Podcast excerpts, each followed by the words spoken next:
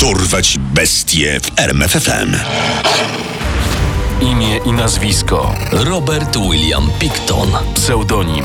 Willy, morderca z farmy świń. Ulubione zajęcia. Gwałty, ćwiartowanie zwłok, hodowla świń. Liczba ofiar. Od 6 do 49. Skazany na Dożywocie. Biedne dzielnice wielkich miast to bardzo wdzięczne miejsca do polowań dla seryjnych morderców. Tu przestępstwa i zaginięcia osób są na porządku dziennym. Nawet w kraju tak spokojnym, jakim wydaje się być Kanada. To właśnie tu, w dzielnicy Downtown Eastside w Vancouver, w Kolumbii Brytyjskiej, zdarzyła się jedna z brutalniejszych serii morderstw, jakie kiedykolwiek popełniono. Hej, przystojniaku. Masz ochotę na małą przygodę? O pewnie, ale zapewniam cię, że to będzie wielka przygoda. Morderca był wyjątkowo sprytny. Na ofiary wybierał prostytutki pochodzące z tej właśnie dzielnicy. Co więcej, po jego ofiarach nie było śladu. Dziewczyny po prostu znikały z ulic. A przykra prawda o życiu ulicznej prostytutki jest taka, że tak długo, jak długo nie znajdzie się zmasakrowana w jakimś koszu na śmieci, nikogo nie obchodzi. Jedną z pierwszych pracujących dziewczyn, której zniknięcie zauważono, była 23-letnia Rebecca Gano. Jej koleżanka po fachu, 43-letnia Sherry Rail, zniknęła dwa lata wcześniej, ale jej zaginięcie zgłoszono dopiero w styczniu 84. Wśród kobiet pracujących na ulicy rósł niepokój. Coraz więcej z nich zaczynało myśleć o wyprowadzce. Wiecie co, dziewczyny? Zostawiam to cholerne miasto, nic dobrego mnie tu nie czeka. Jadę do Seattle. Elaine Auerbach nigdy nie dotarła do swojego celu. Zaginęła w marcu 86 roku, a jej zaginięcie zgłoszono w połowie kwietnia. W lipcu 1988 roku zaginęła 26-letnia rdzenna mieszkanka terenów Kanady Teresa Ann William. Tym razem zawiadomienie o jej zaginięciu trafiło do policji w marcu 1989 roku. Do końca 1992 roku zginęły jeszcze dwie kobiety: Ingrid Sott i pierwsza czarnoskóra ofiara Kathleen Watley. Po ich zniknięciu sytuacja na chwilę się uspokoiła. Ej, czy mi się wydaje? Czy dawno żadna z nas nie zniknęła? Faktycznie, nieznany sprawca zrobił sobie trzyletnie wakacje od porywania kobiet, ale w 1995 roku znów powrócił do dawnych obyczajów. Między 1995 rokiem a 1998 zaginęły Katrin Gonzalez, Katrin Knight, Dorothy Spence, Diana Mielnik, Tania Holick, Olivia Williams, Stephanie Lane, Mary Frey, Helen Hallmark, Jacqueline Murdoch i wiele, wiele innych kobiet.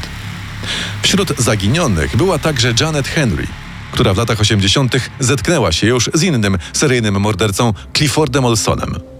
Olson co prawda odurzył kobietę, ale bez jasnych przyczyn porzucił, nie wyrządzając jej krzywdy. Wiesz co? Jednak mnie nie interesujesz. Zostawię cię tu, tak po prostu. Niestety w latach 90. Janet nie miała już tyle szczęścia.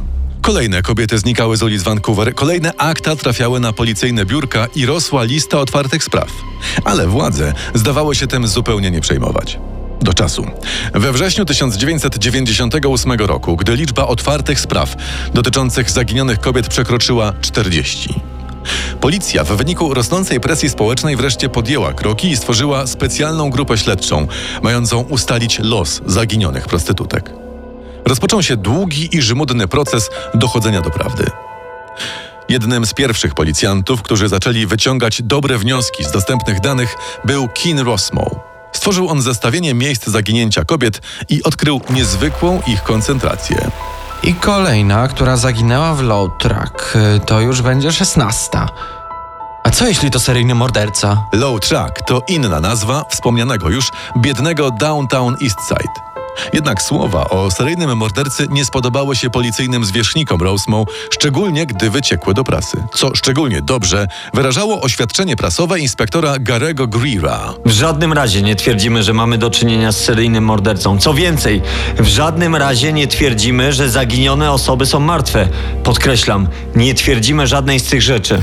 Jednak detektyw Rosemont obstawał przy swojej teorii, za co policyjni zwierzchnicy zdegradowali go. Zawiedziony policyjnymi władzami Rosemont odszedł ze służby i pozwał swoich pracodawców. Proces niestety oddalono. Jego teorie miały jednak wpływ na niektórych funkcjonariuszy, którzy mimo oporu próbowali skierować śledztwo na właściwe tory. Odwiedzali rodziny zaginionych kobiet, próbowali pozyskać próbki DNA i desperacko poszukiwali jakichkolwiek dowodów. Tymczasem prostytutki nadal znikały z ulic Downtown East Side. Chodź ze mną, piękna. Zabiorę cię w wyjątkowe miejsce. Śledztwo jeszcze bardziej komplikował fakt, że gdy chodzi o przemoc wobec pracujących na ulicy, podejrzanych nigdy nie brakuje. Brutalny Alfons, brutalny klient, brutalny religijny fanatyk każdy z nich jest dla takich kobiet śmiertelnym zagrożeniem. Dlatego z każdym dniem lista podejrzanych rosła. Wydawałoby się nawet, że szybciej niż lista ofiar. Jeden z lepszych tropów policjanci dostali już w roku 1998 od niejakiego Billa Hiscoxa. Hiscox po śmierci swojej żony wpadł w narkotykowo-alkoholowy ciąg. Pomocną dłoń wyciągnęła do niego siostra z rodziny zastępczej, załatwiając mu pracę na złomowisku na południowy wschód od Vancouver. Właścicielami złomowiska było dwóch mocno podejrzanych typków. Robert William Picton i jego brat David. Pictonowie posiadali także farmę świń. Hiscox, opowiadając o niej policji, mówił. Nie znam straszliwszego miejsca. Teren oprócz psów patroluje wielki, prawie 300-kilogramowy wieprz. Nigdy nie widziałem tak zaciekłej świni. Biega za ludźmi i próbuje ich gryźć. Pictonowie na farmie prowadzili organizację non-profit zajmującą się urządzaniem imprez. Organizację nazwali Towarzystwo Dobrej Zabawy Świński Pałacyk. Często wpadali w konflikty z prawem zarówno w związku z organizowanymi przez nich wydarzeniami niespełniającymi żadnych norm bezpieczeństwa, jak i w innych sprawach. Na ich libacjach często widywano prostytutki z downtown Eastside, w tym niektóre ze zaginionych kobiet. Tym, co skłoniło Billa Hiscoxa do zgłoszenia Pictonów na policję, był brutalny wyskok Roberta Williama, zwanego Willem. Jego ofiarą była Wendy Lynn Eistetier. Willie skuł uzależnioną od narkotyków, otumanioną prostytutkę i dźgał ją kilkukrotnie. Na szczęście dziewczynie udało się rozbroić napastnika i uciec. Willy to oblech! Co chwila jeździ na dziewczynki do Downtown Eastside. Mówię wam, że w jego przyczepie na farmie znajdziecie torebki i dowody osobiste zaginionych dziwek. Ze względu na pokaźną kartotekę obu Pictonów, policjanci byli skłonni uwierzyć Hiscoxowi. Jednak według późniejszych raportów trzykrotne przeszukanie farmy w 1998 roku nie dostarczyło żadnych dowodów. Bracia mieli jednak pozostawać w kręgu blisko obserwowanych podejrzanych. Tymczasem lista zaginionych kobiet nieustannie rosła, a policjanci ze specjalnej grupy śledczej zaczęli rozważać inne opcje. A może źle do tego podchodzimy? Zaginięcia są rozłożone w czasie na 20 lat. Musimy brać pod uwagę, że mamy do czynienia z więcej niż jednym sprawcą. Wśród policjantów pojawiła się też inna teoria, która szybko zdominowała ich myślenie o sprawie. Co, jeśli za zaginięciami stał jakiś inny, znany seryjny morderca grasujący w regionie północno-zachodniego wybrzeża Pacyfiku? Szczególnie, że nie brakowało potencjalnych kandydatów, takich jak morderca z nad Green River, zabójca z lasu Mollala, czy zabójca uśmiechniętej buźki i wielu, wielu innych. Jednak powiązanie któregokolwiek z nich do spraw z Vancouver było niemożliwe z powodu braku jakichkolwiek dowodów. Policjanci byli zajęci gonieniem cieni, a drapieżnik nadal grasował po Vancouver. Na przełom trzeba było czekać kilka lat, a zaczął się on w lutym 2002 roku od niespodziewanego ogłoszenia jednej z funkcjonariuszek należących do specjalnej grupy śledczej, Katrin Galliford. Mogę Wam powiedzieć, że w tej chwili przeprowadzane jest dokładne przeszukanie farmy świń Coquitlam. Jej właściciel jest obecnie w areszcie pod zarzutem nielegalnego posiadania broni palnej. Niedługo potem na farmie zidentyfikowano ślady DNA należącego do dwóch zaginionych kobiet Sherry Abbotsway i Mona Wilson. Willemu Pictonowi postawiono dwa zarzuty morderstwa pierwszego stopnia. Tuż po przedstawieniu zarzutów Picton stwierdził: Jestem zszokowany tymi wyssanymi z palca dyrdymałami. Nie miałem nic wspólnego z tymi kobietami. Jednak dalsze badanie farmy dostarczyło dowodów na obecność kolejnych kobiet na farmie. W obliczu coraz większej liczby dowodów śledczy postanowili wyciągnąć przyznanie się do winy podstępem. Razem z Willem osadzili w areszcie swojego agenta, który szybko zdobył jego sympatię. No powiedz mi, Willy, jak to było z tymi dziwkami? Hmm, to długa historia. No stary, dawaj, jesteśmy kumplami, a ja jestem ciekawy. No dobra.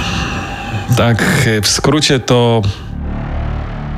Zaszlachtowałem 49 kobiet. Chciałem dobić do pięćdziesiątki, ale nie zdążyłem. Tymczasem opinia publiczna zaczęła wrzeć, gdy bliscy ofiar zaczęli zadawać policji niewygodne pytania. Jak to możliwe, że poprzednie przeszukania tej farmy nic nie wykazały? Dokładnie! I jak to się stało, że obserwowaliście go, a on grasował w najlepsze? Oliwy do ognia dolewały także tabloidy, drukujące niepotwierdzone, choć szokujące rewelacje.